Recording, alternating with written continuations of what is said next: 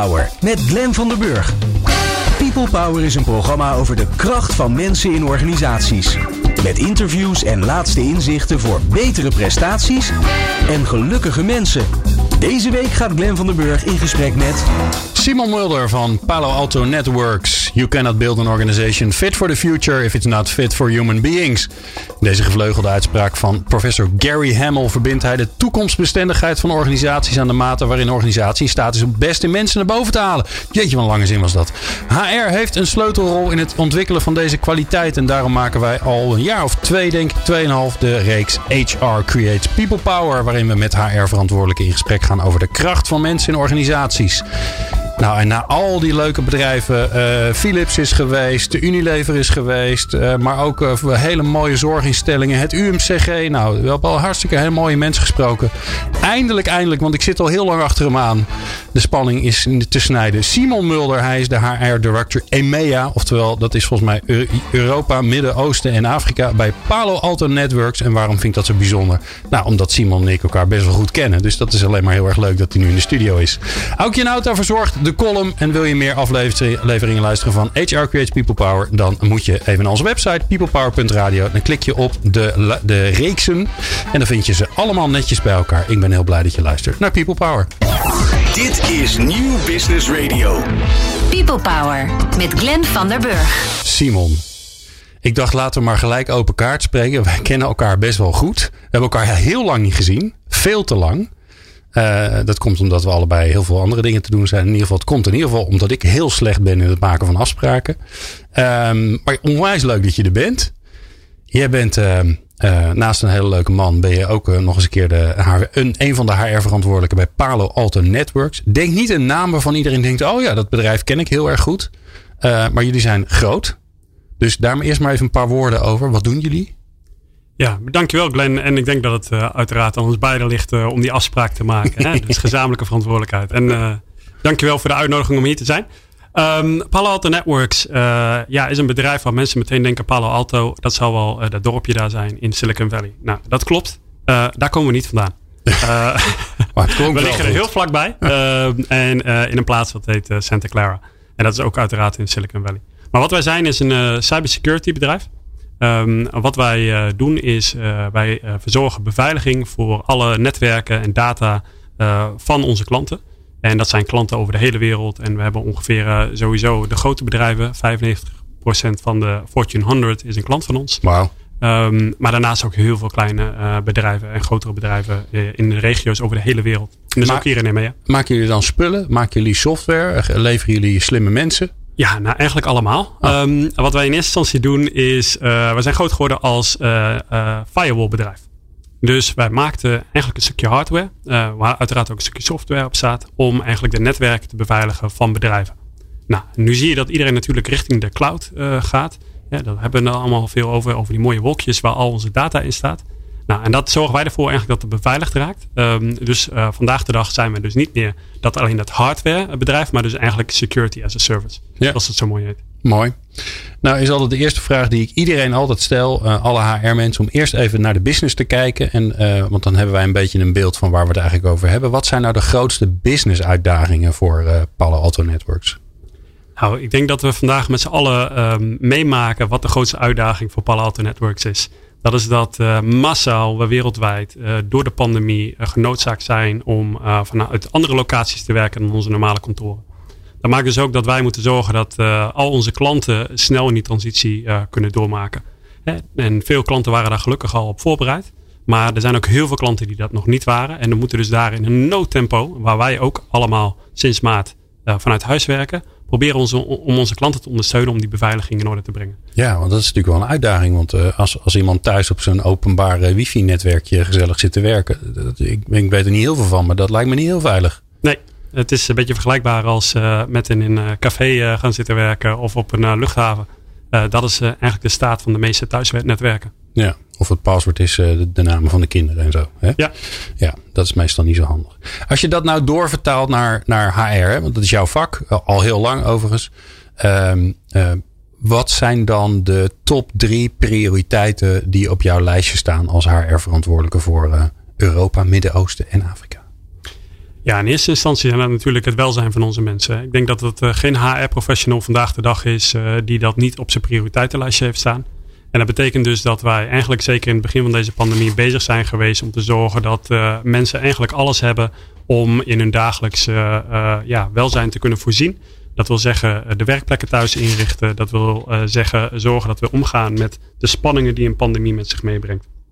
Uh, en vervolgens ook kijken naar de toekomst toe. Nou, eigenlijk naar die toekomst toe, daar komt de volgende prioriteit. We realiseren ons dat we te lang in het tijdperk van de industriële revolutie hebben geleefd. Waarin het allemaal logisch was dat we met elkaar naar een kantoor toe gingen om daar te gaan zitten werken.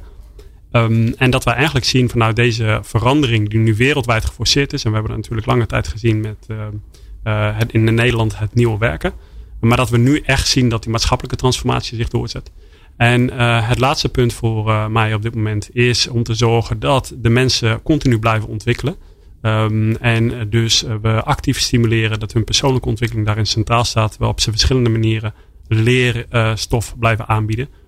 Om bij te blijven bij de ontwikkelingen van de markt. Ja, dat uh, hebben ik, ik word ondertussen een beetje, begin ik daar een beetje de draak mee te steken. Zeker als hier uh, managementboekenschrijvers zijn. De, elk gemiddeld managementboek begint met de turbulente ontwikkelingen, de snelle ontwikkelingen, nou, noem maar op. Um, maar jullie zitten er natuurlijk middenin. Dus middenin uh, dat hele cybersecurity verhaal. Daar moet je mee, meegaan met je vijand, wil ik het zelf zeggen. Want anders ben je gewoon aan de beurt. Dus, dus, dus ik kan me voorstellen dat als jullie het niet voor elkaar krijgen, dat je mensen zich door blijven ontwikkelen, uh, zo, um, hoe zeg je dat, invested zijn in hun vak, dat ze alles willen weten. Want het is echt een, het is echt een, een wedloop eigenlijk tussen die twee werelden. Hè? De mensen die de boel dicht weer proberen te houden en de mensen die proberen in te komen. Ja, zeer zeker. Uh, het is altijd lastig. Kijk, uh, je hoeft maar één kwetsbaarheid te hebben. En uh, ja, dan kan een systeem daarmee uiteindelijk omzeild worden. En daarmee dus data beschikbaar worden. Ja. Nou, wij doen er uiteraard alles aan met ongeveer de slimste mensen in de hele wereld die we proberen aan te trekken in onze organisatie om dat tegen te gaan. Uh, maar er zijn natuurlijk ook altijd genoeg partijen uh, die proberen om toch die data te ontfutsen. En dat blijft een, een uitdaging om dan te zorgen dat je op al die fouten, fouten eigenlijk vooruit blijft lopen. Ja, ik heb ooit eens een keer een. Uh, er schijnt ook ergens een website te zijn. Ik kan hem niet uh, nu uh, naar boven toveren, want ik heb hem ook maar eens een keer bij iemand in een presentatie gezien. En daar zie je eigenlijk alle cyberaanvallen die ze überhaupt kunnen zien en meten. Die zie je op de wereldkaart. En dan zie je waar ze vandaan komen. Het zie je natuurlijk heel veel van plekken dat je denkt: oh ja, nou, het is niet zo raar dat er heel veel uit Oekraïne of Rusland komen. maar je ziet ook onderling zie je heel veel dingen gebeuren. Um, of dat allemaal klopt is een tweede. Maar dat, ik vond alleen dat beeld al van al die dingen die heen en weer schieten. Dat je denkt, ja, het ziet er ook gewoon uit als een oorlog. Ja, en ik denk dat we er altijd voorzichtig moeten zijn. Want dat is hetgeen wat zichtbaar is. Het is eh, net zoals met een diefstal. Uh, we praten over degene die betrapt worden. We praten niet over degene die niet gezien worden. En het is onze zaak om te zorgen dat ook diegenen die proberen iets uh, te doen ten aanzien van jouw data als organisatie, ook om dat zichtbaar te maken. Wat doet dat met de, met de cultuur in zo'n bedrijf? Want ik kan me heel goed voorstellen dat je. Ja, wat voor taal gebruik je dat? Gebruik je dat, dat die tegenstander die, die slecht wil doen, gebruik je die om je cultuur vorm te geven? Wij tegen de wereld, wij beschermen anderen? Of, of is dat te pathetisch misschien ook om dat te gebruiken? Ja, ik denk niet dat we zozeer um, gebruiken de vijand uh, in, in ons verhaal. Waar we wel over praten is uh, zero trust. Dus hoe probeer je, en, maar dat is niet naar mensen toe, maar dat is meer uh, als je kijkt naar beveiliging. Hè? De zwakste schakel waar je het vaak over hebt, is toch het uh, menselijk handelen in, uh, in beveiliging. Je kan natuurlijk heel veel doen vanuit de systeemkant. Um, uiteraard, ik ben geen beveiligingsexpert hier, maar um, uiteindelijk menselijk gedrag komt ermee te kijken. En je gaf net al aan, heel mooi, het wachtwoord gebruiken. Um, ja, hoeveel mensen voeren hun wachtwoorden uit? Of vandaag de dag, hoeveel mensen zorgen ervoor dat hun software thuis geüpdate is? Ja, dat is echt een, een user hè, of een gebruikersactie. Uh, en als die niet gedaan wordt, ja, dan ben je minder veilig. Ja, ik vind dat wel interessant om straks even verder te kijken. Um, hoe je aan de ene kant dus, ja, eigenlijk de menselijke factor in beveiliging eruit moet halen. Want dat is, ja, dat is de zwakste schakel. Terwijl je juist in het bedrijf die menselijke factor juist super belangrijk vindt. En daar juist weer wel met heel veel vertrouwen wil gaan werken. En dat hoor je zo. Dit is Nieuw Business Radio. People Power met Glenn van der Burg. Simon Mulder is de gast eh, van Palo Alto Network, cybersecurity bedrijf. Ja, eh, Simon, eh, mijn beeld is: jullie moeten ervoor zorgen dat al jullie klanten veilig zijn voor invloeden van buitenaf die je niet wil, waar ze ook vandaan komen. Um, uh, dat mag niet misgaan, want anders staat het gelijk in de krant. Ik, bij mij staat nog uh, de, de OPCW, die staat nog in mijn, in mijn hoofd. Hè. Dus de Organization for the Prohibition of Chemical Warfare. Dat is ooit een klant van mij geweest, dus ik weet waar de afkorting voor staat. Um, dat wil je niet. Dus alles moet goed gaan. Maar intern wil je juist vertrouwen geven, ruimte geven, creativiteit. Hoe, hoe balanceer je dat? Hoe zorg je dat die twee werelden samengaan? Ja, Glenn, ik denk dat het geen twee verschillende werelden zijn. Um, waar het voor zorgt is als je kijkt naar, uh, als je mensen vertrouwen geeft, dan gaan ze dat doen uh, wat je graag wil. Ze gaan creatief zijn, ze gaan innoveren en dat is ook exact wat uh, cybercriminelen vaak doen. He, zij zijn dus continu bezig van hoe kunnen we op een creatieve manier een aanval plegen um, op een systeem. Nou, en dat moeten onze mensen eigenlijk ook continu mee bezig zijn. Van welke creatieve manieren kunnen verzinnen. Dus dat zorgt ervoor dat je ja, eigenlijk in eerste instantie een hele diverse uh, populatie wil hebben in je organisatie. Want daardoor uh, kan je ook verschillende perspectieven krijgen ten aanzien van het probleem wat je wil oplossen. Um, Oké, okay, en, en stop even hier, want dit is interessant. Dat horen we heel vaak ja. als het om diversiteit gaat. Maar jullie doen dat dus.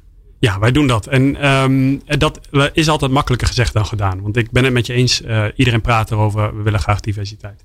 Wat wij gewoon echt zien, en daar blijkt ook uit uh, diverse onderzoek, is niet alleen maar dat je als bedrijf zijnde er beter van wordt en creatiever wordt. Maar als je met name, zoals ik net al zei, uh, naar cybersecurity kijkt, dat betekent dat je in staat moet zijn je te verdedigen tegen een compleet diversiteit aan uh, cybercriminelen. En dat betekent dus ook dat je dat in die wereld mee moet kunnen gaan. Nou, Waarbij er ook geen grenzen zijn natuurlijk. Exact. Ja. Over de hele wereld. En lukt het dan ook op man-vrouw gebied? Want het is natuurlijk, je zou, als ik vanuit het Nederlands perspectief kijk, dat is natuurlijk gelijk verkeerd. Terwijl ik al merk dat ik dit zeg. Eh, want ik weet, ik weet eigenlijk al wat je gaat antwoorden. Maar ik ga toch maar even door, want het was mijn eerste gedachte. Dan denk ik, IT, cyber, dat is mannenwerk. Ja, en ik snap uh, volledig dat je dat zegt, Glenn. En laat ik heel eerlijk zijn, als ik heel erg ver terug ga in mijn tijd. Uh, ik heb zelf ook nog IT gestudeerd.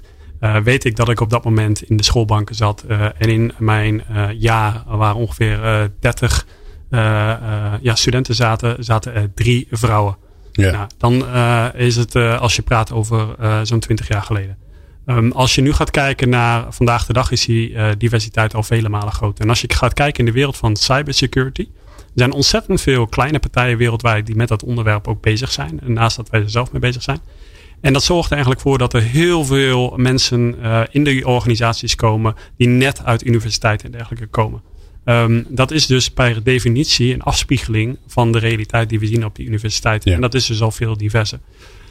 Um, ik zou liegen als ik zou zeggen dat het makkelijk is op het gebied van diversiteit. Want het is nog wel een industrie die inderdaad uh, vrij dominant was uh, vanuit mannen met name en ook nog blanke mannen. Um, wat je daarin moet doen is mensen ook die ruimte geven om dat carrièrepad op te gaan. Maar ook continu bezig zijn. Mensen binnenhalen is slechts één stap in het geheel. Ze behouden is veel groter uh, uitdaging. En die inclusie, zeg maar, zoals dat dan zo mooi heet. En wat doen jullie daar dan mee? Hè? Want uh, je hebt daar rolmodellen voor nodig. Als je naar boven kijkt, die piramide, voor zover jullie die hebben. Maar stel je voor dat je naar boven kijkt en je ziet inderdaad alleen maar witte mannen. Al zou je er bewust niks mee doen, onbewust doet het iets met je. Ja, en uh, het mooie is als jij over die piramide hebt, dan denk ik dat je het hebt over wat zit er in je boord uh, als organisatie. Ja, bijvoorbeeld. Ja. Nou, uh, daar begint het bij ons al. wij hebben daar diversiteit. onze CEO en zijn complete executive team is committed hè, naar diversiteit. En dat straalt zich door de hele organisatie uit. We hebben daar ook vanaf dit jaar voor alle medewerkers, en we hadden uiteraard acties al daarvoor lopen, maar nu gezegd, alle medewerkers hebben in hun goals en milestones, hè, die doelstellingen die ze elk kwartaal stellen, Um, ook een gericht één uh, element wat gaat over uh, diversiteit en inclusie. En dat door de hele organisatie. Oh, wow. Ja, dus het zit gewoon in je harde, in je harde KPI's, in je, in je doelen die je hebt, uh, zit het opgenomen. Exact, maar we doen dat niet top-down. We zeggen alleen top-down. Je moet er allemaal een doel hebben. Maar uiteindelijk wat jij in die doelen zet, dat bepaal je zelf. Ah, okay. Omdat het voor iedereen net een kleine nuance kan zijn. Voor het ene team is, heb je veel meer uh, vrouwen bijvoorbeeld nodig die je wil aantrekken in de open vacatures die je hebt. In de andere uh, zal het zijn dat je veel meer focus hebt op dat je meer introverte mensen aan wilt trekken. Want diversiteit is natuurlijk veel meer alleen dan man en vrouw. Ja, ja, ja zeker. Um, laten we even naar die drie prioriteiten hebben. Wel, welzijn van mensen in deze bijzondere tijd. Laten we daar, laten we daar eens even naar kijken. Uh, want ik kan me heel goed voorstellen dat iedereen als ze denken aan, aan, jullie, uh, aan jullie bedrijf, denken ze, nou weet je, dat thuiswerken, dat zal bij jullie wel gefixt zijn. Want uh, als, het, als het bij jullie niet werkt, dan uh, werkt het bij niemand. als je van de, van de IT bent. Hoe kijk je dan naar het welzijn van die mensen? Wat is daar, waar, waar ben je achter gekomen wat daar belangrijk is in deze tijd? Ja. Een van de mooiste dingen waar we meteen achter kwamen, en we hadden het geluk en de zegen als organisatie om dat te kunnen, maar ook het executive team dat het lef had om dat te doen, is meteen aan het begin van de pandemie heeft onze CEO gezegd: we zullen geen ontslagen hebben uh, vanwege COVID. Zo. Nou, dat is nogal een, eh, een behoorlijk sterk statement, hè, omdat we op dat moment in, uh, in maart nog niet wisten hoe de wereld zich verder zou ontwikkelen. Maar dat geeft eigenlijk het rotsvaste vertrouwen aan in de organisatie, maar ook uh, om te zorgen dat we weten wat de grootste druk voor de mensen op dat moment was. Dat was die angst. We zagen overal om ons heen bedrijven die het ontzettend moeilijk kregen.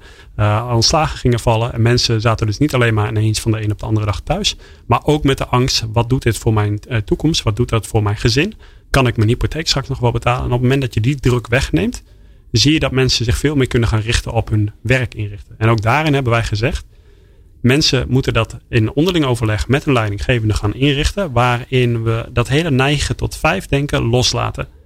Je gaat je wereld inrichten op basis van jouw omstandigheden. Waarvoor het voor de ene persoon betekende: oké, ik heb overdag uh, kinderen thuis die ik les moet uh, geven uh, of voor moet zorgen of iets dergelijks. En ik zorg dat ik daaromheen kan werken. voor de ander betekent dat ik wil echt tussendoor eventjes naar buiten toe kunnen. Om niet de hele dag dat opgesloten gevoel te krijgen. En zo zag je dat iedereen zich dat anders ging inrichten. En dat beseften jullie al voordat het, voordat het echt begonnen was. Hè? Want heel veel partijen zijn erachter gekomen terwijl ze er middenin zaten. Om, of doordat ze, hè, omdat ze eigenlijk helemaal niet wisten wat er op zich afkwam. Um, en hoe moet ik dat dan voor me zien? Hè? Want ik zit thuis. Ik heb die kinderen, uh, die kleine kinderen, die ineens niet meer naar school mochten. Tenminste, als we het over Nederland hebben. Trouwens ook andere landen.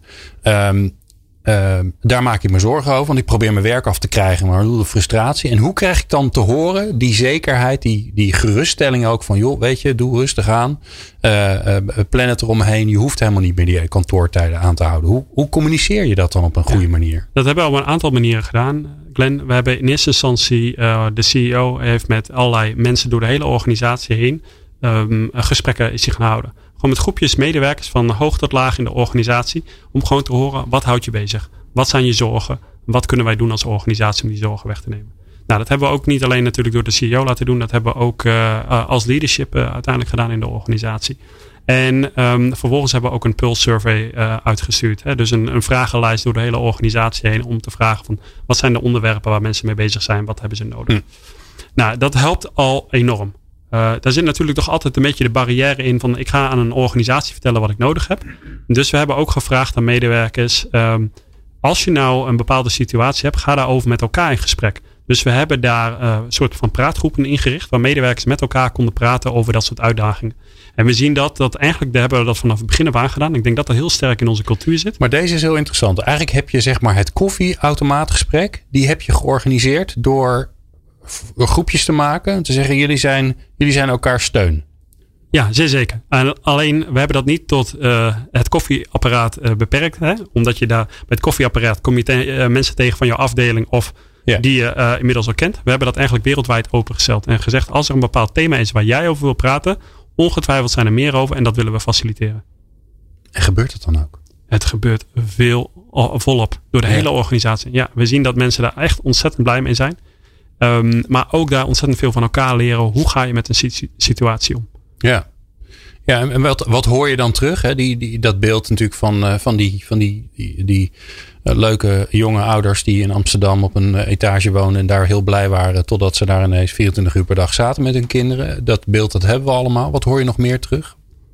Um, en een variatie. Aan de ene kant mensen die. We hebben ontzettend veel mensen in sales zitten. Die uh, eigenlijk continu aan het reizen waren. Niet gewend waren om thuis te zitten. Hun families ook niet gewend waren dat ze thuis zaten.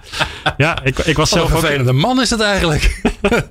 ja, ik denk dat dat wel meevalt. Maar ik denk dat mensen weer, weer zijn gaan waarderen wat er in hun directe omgeving is. En ik denk dat dat het mooie is. Uh, dat hebben we ook wel aangemoedigd. Uh, mensen te zeggen van kijk in je omgeving. Niet alleen vanuit je directe collega's. Maar kijk ook in je omgeving. Wat zijn de mensen die hulp nodig hebben. Uh, en, en laten we terug gaan geven aan die mensen om ons heen. Um, en dat ook blijven stimuleren. We hebben daar bijvoorbeeld ook een, een COVID Relief Fund voor opgericht met medewerkers. Onze CEO heeft zijn eigen salaris daar volledig in gestopt. En vervolgens heeft het bedrijf gezegd: alle donaties van medewerkers gaan we verviervoudigen. En dat uh, richten we in om mensen te ondersteunen die het nodig hebben. Dus dat waren bijvoorbeeld ook contractors die bij ons aan de slag waren. Gaaf. En, en, en stel je voor, hè, ik woon ergens. En ik, uh, ik heb een ideetje, want mensen in de buurt, oudere mensen in de buurt, die, die, die vereenzamen en daar wil ik iets voor gaan doen. Hoe werkt het dan? Kan ik dan aankloppen bij dat, bij dat, bij dat fonds? Ja, dat ligt een klein beetje iets anders. Um, we hebben daar namelijk nog even een ander soort platform voor. Dat gaat met ons echt over hoe ga je teruggeven en welke fondsen wil je daarvoor gebruiken. Nou, we hebben daar al talloze goede doelen op aangesloten. En je kan daar zelf je eigen goede doel voor aanmelden. Uh, op het moment dat jij uren investeert in dat goede doel, dan kan je dus ook vragen voor een stukje additionele financiering vanuit de organisatie naar dat goede doel. Oké. Okay.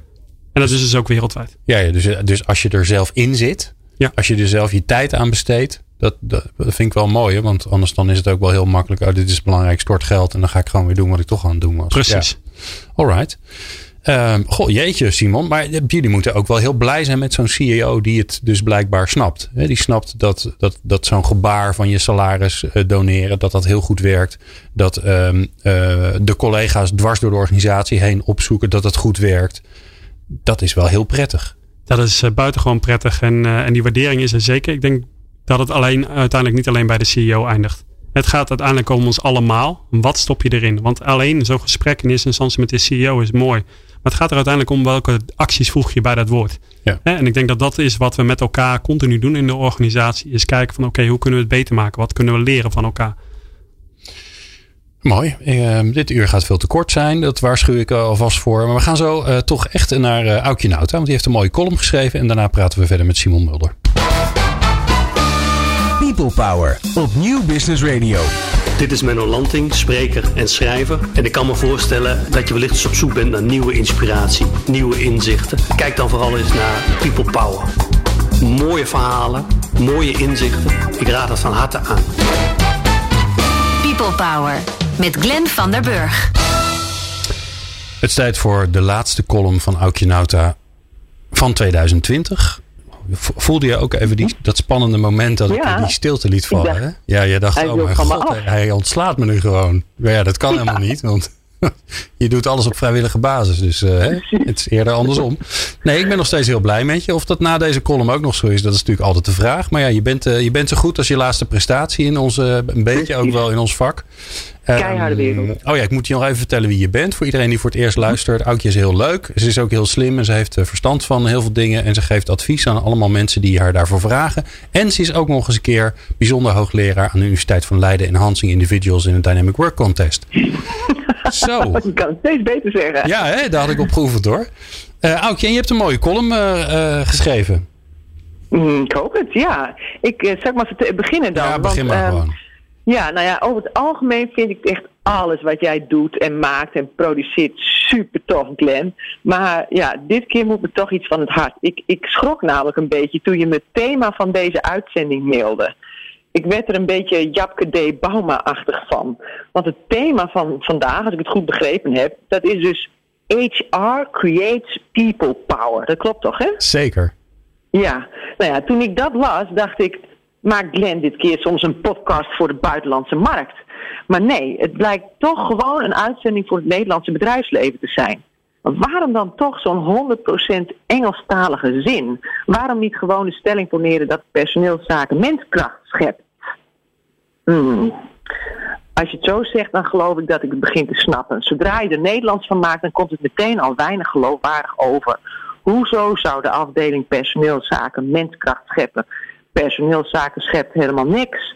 als er al ergens menskracht wordt geschapen, althans wezens met menskracht, dan gebeurt het toch vooral tussen de lakens van heteroseksuele stellen in de vruchtbare leeftijd. En dan moet je er nog jaren op wachten voordat je die menskracht in bedrijven kunt inzetten. Wat dan ook nog afhangt van hoe die mensen zelf hun menskracht in de loop van hun leven hebben weten te ontwikkelen personeelszaken zorgt dat de salarissen worden betaald, dat iedereen coronatijd, in coronatijd een goede bureaustoel thuisgeleverd krijgt en liefst ook nog een flexibel sta-zitbureau voor de broodnodige beweging. En op zijn best zorgt een personeelsmanager ervoor dat de leiders van een organisatie niet alleen aan productie en geld denken, maar ook bedenken hoe ze werk en omgeving zo kunnen inrichten dat mensen kunnen groeien en bloeien. Dus als PZ al iets schept of helpt meescheppen, dan is dat een vruchtbare werkomgeving. Maar niet de menskracht zelf, want die kracht op peil houden, dat doen mensen nog altijd zelf. Hoe meer we in het vakgebied rondom mens en organisatie Engelstalige termen gebruiken, hoe meer we lijken te verbloemen dat personeelszaken doorgaans helemaal geen grote broek aan kan en mag trekken. Maar goed, ondertussen ben en blijf ik het natuurlijk wel helemaal met jou, Glenn, eens dat mensen super belangrijk zijn voor bedrijven. Zonder mensen geen organisatie. Je moet als werkgever dus veel in je mensen investeren, hen tijd, ruimte, middelen geven om te leren, innoveren, het beste van zichzelf te geven. Alleen is het niet personeelszaken die dat doet. PZ kan hooguit morrelen aan de condities. Dingen signaleren, meten, agenderen, een beetje porren, prikkelen, duwen en trekken. Maar scheppen en creëren? Nee. Hoe graag personeelsmanagers ook belangrijk willen zijn, Feitelijk is het zoals een topvrouw van een groot bedrijf is tegen me zei. HR is veel te belangrijk om aan de afdeling HR over te laten. Laten we dan dus ook maar stoppen met Engelse vaagtaal die verhult dat de afdeling personeelszaken niet de status heeft die het graag zou hebben. Zeg liever waar het op staat. En dat is, als je het mij vraagt, dat niet HR, maar wij mensen allemaal de verantwoordelijkheid hebben om te blijven leren en om anderen wat te leren. Dus dat je je leven lang zowel student als docent bent. Daarvan gaat een mens pas echt in zijn kracht staan. Hoewel, als ik het zo zeg, dan krijgt Japke D. maar vast jeuk. Maar ja, die krijgt van zo'n beetje alles jeuk. nou, mooi Aukje. Ja, hartstikke mooi. Ja. En de, de personeelszaak creëert, uh, wat was het ook alweer? Ja, menskracht. Ja, dat klinkt inderdaad voor geen meter. Uh, nee. nee. Maar aan de andere kant uh, verkloten ze het wel heel vaak. Dus ze voorkomen wel heel vaak dat het kan ontstaan. Maar dat is misschien uh, een veel betere titel. Um, ja, daar is dan weer een andere krachtterm voor. Maar ja, die zal ik hier maar niet. nee, nee, want daar krijgt niemand jeuk van. Maar dan krijgen we weer alle mensen die dat vervelend vinden op ons. Klachten. Ja, klachten is ook niet leuk. Nee.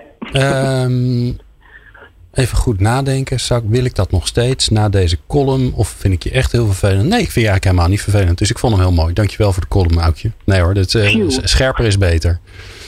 Graag gedaan. Dankjewel. En ja, wat mij betreft ook tot volgend jaar. Maar daar moeten we het nog even over hebben. Om dat nou zo live op de radio te doen is ook weer zo wat. Hè? Dat ik jou voor het blok ga zetten. Dus uh, dames en heren, ik ga heel erg mijn best doen om ook Aukje volgend jaar weer te verleiden om columnist te zijn. We zullen zien, we zullen zien. En alvast een fijne kerst. Spanning en sensatie. Elke maandag People Power op Nieuw Business Radio. Simon Mulder is in de studio van Palo Alto Networks. Uh, we zijn aan het laatste blokje gekomen, dus we, hebben, en we, moeten kiezen. We moeten één onderwerpje nog kiezen waar we nog even over kunnen hebben. En we moeten het nog hebben over de People Power Essentials. De vijf essentiële boeken die je gelezen moet hebben als je de kracht van mensen en organisatie wil ontketenen. Voor zover Aukje Nauta vindt dat het überhaupt kan. Maar dat is weer een heel ander uh, verhaal. Uh, Simon, um, flexibel werken. We hebben er jarenlang over gepraat. Het nieuwe werken, boeken volgeschreven, hele gebouwen verbouwd. Maar nou kwam het echt van de grond. Het was eigenlijk bijna alweer ten dode opgeschreven. We gingen allemaal weer naar binnen. Allemaal weer het kantoor in. Want we gingen agile werken en moesten allemaal om het scrumboard staan. Ja, nu zitten we ineens weer thuis. Hoe, hoe groot was die overgang voor jullie? Ja, die overgang blijft altijd groot. Ook bij ons waren, was het overgrote gedeelte van de mensen werkte ook gewoon vanuit eh, de kantoren. Of, uh, zoals ik al aangaf, dat straks uh, mensen die uh, binnen sales zaten, continu aan het reizen, klanten ontmoeten, et cetera. En eigenlijk het mooie is wat je realiseert, op het moment dat je overgaat en je eigenlijk met z'n allen thuis gaat zitten, en wij zijn dat ook blijven doen in de gehele periode sinds maart, um, is dat um, mensen eigenlijk elke dag al werkten in een manier die overal vandaan komt. Want um, het welbekende Zoom call had ik elke dag al. Ik praat al met mensen over de hele wereld. Ehm, en zeker in mijn regio. Ik ben echt niet elke dag uh, overal in Afrika. Nee. Um, dus op het moment dat je die mensen kan ontmoeten, dat is uiteraard fijn. Zeker als HR-professional wil je graag onder de mensen zijn. Tegelijkertijd, je kan zoveel meer dingen doen in diezelfde tijd die je nu beschikbaar hebt. Omdat je vaker die telefoongesprekken kan hebben. Of een Zoom-call kan hebben. Of een videogesprek kan hebben. Um, dus voor ons die overgang was wel wennen ook. Uh, er waren ook bij ons in de organisatie wel diverse leiders uh, die zeiden: ja, dit kan echt niet vanuit huis werken, uh, want dat hebben we nooit zo gedaan. En, en, was dat dan omdat ze gewoon hun mindset moesten veranderen? Omdat ze gewoon dachten dat het echt niet kon? Of liepen ze ook tegen dingen aan waarvan ze, waarvan ze merkten dat het niet kon? Nou, ik denk dat de mindsetverandering, zoals jij dat noemt, bij heel veel mensen in zit. Um, het denken dat het niet kan, komt vaak op de manier waarop we opgegroeid zijn, hoe de maatschappij is vormgegeven. We denken dat heel veel dingen niet kunnen of niet zo horen. Uh, een simpel voorbeeld, een videootje kijken, kan iedereen thuis al. En toch, hè, uh, de bioscopen gingen nog steeds vol uh, yeah. mee zitten. Dus er zijn er heel veel zaken die uiteraard ook kunnen op afstand. En de vraag is dan hoeveel productiviteit er is. En dat is denk ik de vraag die heel veel leiders bezig hield. Van ja, maar wat gebeurt er met de productiviteit van mijn organisatie als iedereen thuis zit en ik er helemaal geen zicht meer op heb? Ja. De kunst van het loslaten. En nou, daar hebben wij geprobeerd om onze leiders heel veel mee te helpen. En hoe doe je dat? Hoe help je ze? Ja, dat is uiteindelijk een individueel gesprek. Kijk, in eerste instantie doe je natuurlijk als organisatie um, uh, tal van um, interventies om te zorgen dat mensen dat kunnen. Dat wil zeggen, je zorgt ervoor dat je de juiste middelen ter beschikking stelt. Je geeft uh, bepaalde trainingen. Hè. We hebben heel veel uh, webinars en dergelijke gegeven. Van hoe doe je dat dan als leider? uiteindelijk komt erop neer dat het voor iedereen anders is. Dus je gaat heel erg in op die leider van oké, hoe ga je zelf om met deze periode? Wat is het gesprek? En we hebben daarin heel erg geadviseerd aan leiders uh, veel tijd uh, te spenderen aan één op eens. Veel tijd te spenderen aan het duidelijke zetten van wat wij noemen goals en milestones. Hè? Dus duidelijke doelen. Maar uh, voor mijn beeld, hè, jij en de mensen in jouw team gaan dan dus één op één in gesprek met die leiders en zeggen: joh, hoe is het met je? Hoe doe jij het nou? Waar loop je tegenaan? Waar kan ik je bij helpen? Dus er, er zit best wel veel advies, leiderschapscoaching van jullie eigen mensen in om, om ze dit mee te geven? Absoluut. En ik denk een beetje aansluiten op de column van zojuist. Uh, uiteindelijk is het niet alleen HR die voor dit soort zaken verantwoordelijk is. Hè? Wij um, hebben ontzettend veel leiders in de organisatie die uh, dit een warm hart toedragen, die dit belangrijk vinden, die mensen op de eerste plaats zetten. Dus dat doen we uh, in eerste instantie in grote town hall meetings, waar we heel erg die huiskamersfeer creëren, waar iedereen elke vraag kan stellen. En vervolgens ook proberen dat al die leiders het goede voorbeeld geven aan hun mensen. En op zo'n manier, met de ondersteuning van HR, dat verder uit te dragen. Ja.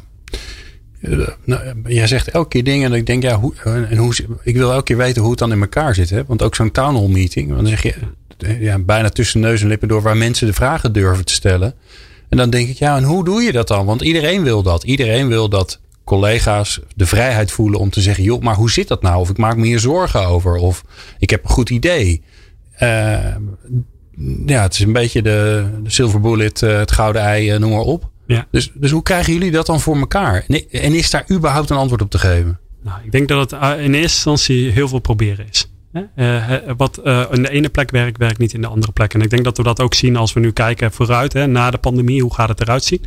Uh, we nu aan het proberen zijn de dingen die, die werken. Het zijn vaak de kleine dingen die het grote verschil maken.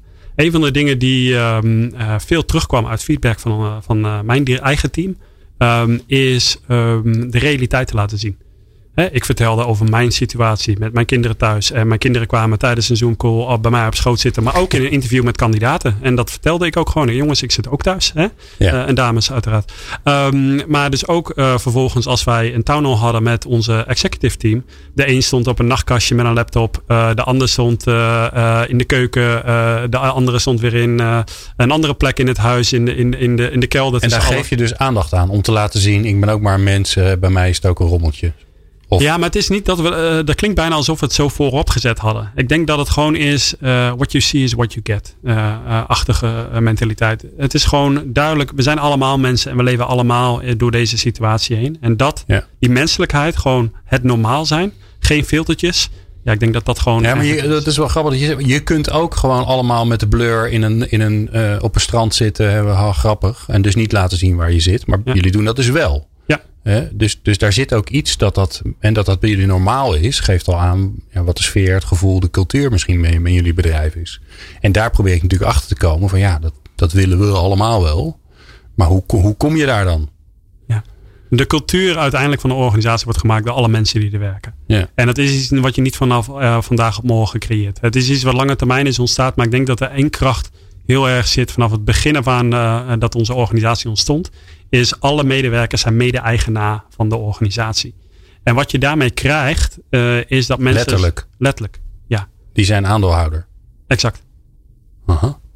Dus wat je daarmee krijgt, is dat medewerkers zich uh, ook meer betrokken voelen bij die organisatie. Maar ook dat eigenlijk alle acties die je doet, je continu langs diezelfde lat moet leggen. Doen we dat nou vanuit het menselijke perspectief of zitten we alleen maar keihard uh, op het eindresultaat te kijken? En natuurlijk, wij zijn een profitgerichte organisatie. Ja. We zijn er heel erg op gefocust dat we ook onze doelen behalen. Beursgenoteerd. Ja, maar dat haal je. En we hebben, als je nu kijkt naar onze beursresultaten de afgelopen kwartalen elke keer boven de verwachting van alle analisten gepresteerd. En dan kan je zeggen, ja, ja dat komt door de pandemie. Ja, er zit in maart een hele scherpe dip. En, daarna, en, en, en ik zat te kijken en denk, oh, toen had ik moeten kopen. Niet dat ik ooit aandelen koop, want ik kan daar niks van. Maar ik dacht, nou, als ik toen had gekocht, dan was ik, uh, dan was ik er wel wat mee opgeschoten. Goedemorgen zeg. Ja. Ja.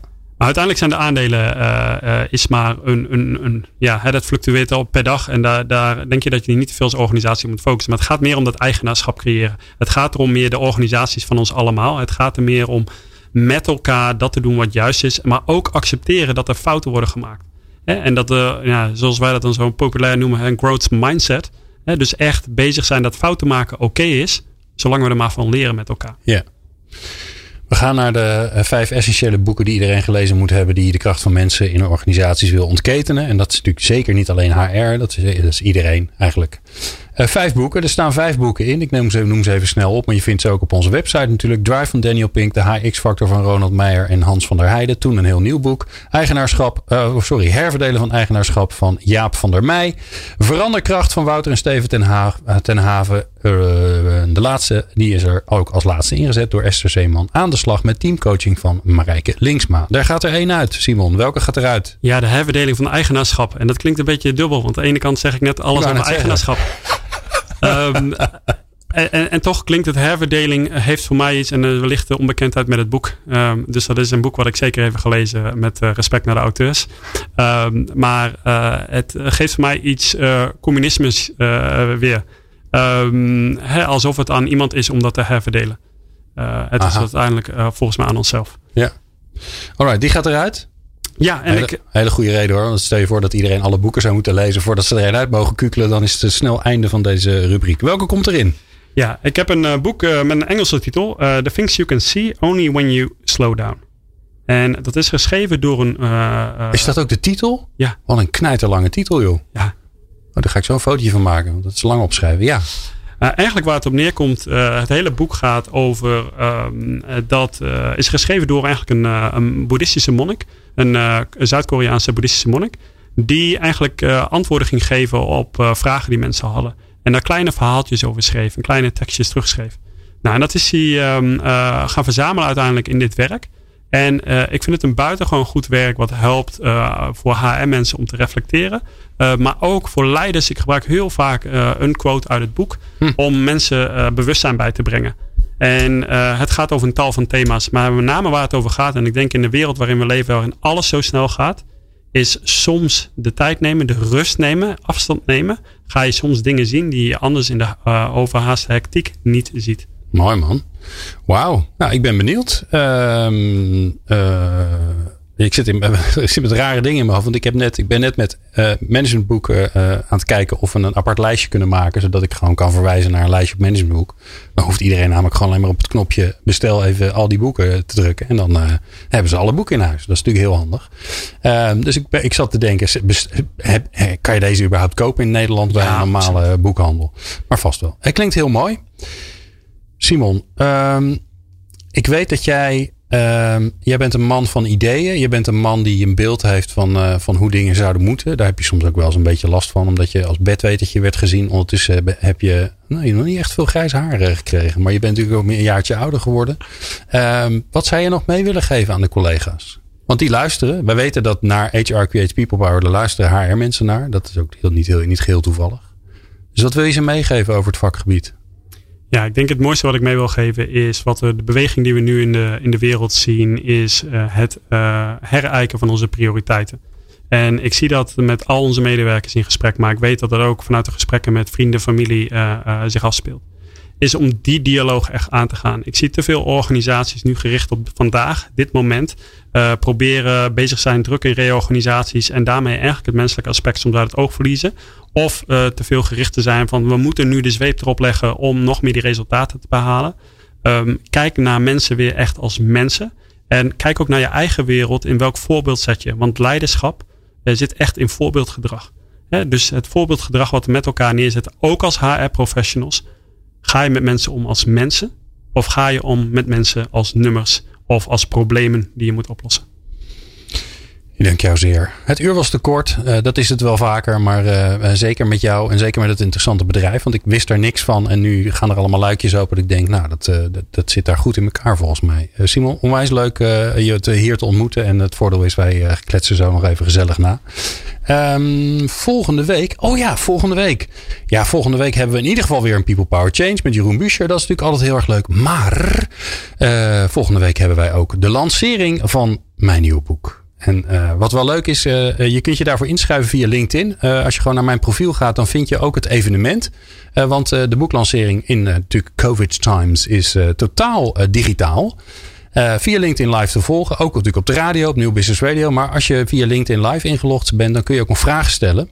dan gaan we een uur lang kletsen over mijn boek. Um, en je kunt je daar dus voor aanmelden. Ik kun je gewoon even zeggen, ja, ik ben erbij. En dat, tot mijn grote verbazing, eerlijk gezegd, hebben zich nu al 200 mensen aangemeld. En dat was toch even gaaf. Want ik had ik nooit bij elkaar gekregen in een zaaltje. En nu heb ik gewoon een enorme leuke schare mensen die aan het gaat luisteren naar uh, nou ja, hoe mijn nieuwe boekje in elkaar zit. Dus dat allemaal volgende week. Uh, kun je niet wachten? Dan kun je natuurlijk gewoon onze website peoplepower.radio. En dan vind je nog uh, 365 afleveringen. Dus veel luisterplezier. Doei. People Power met Glen van der Burg. Meer luisteren? people-power.nl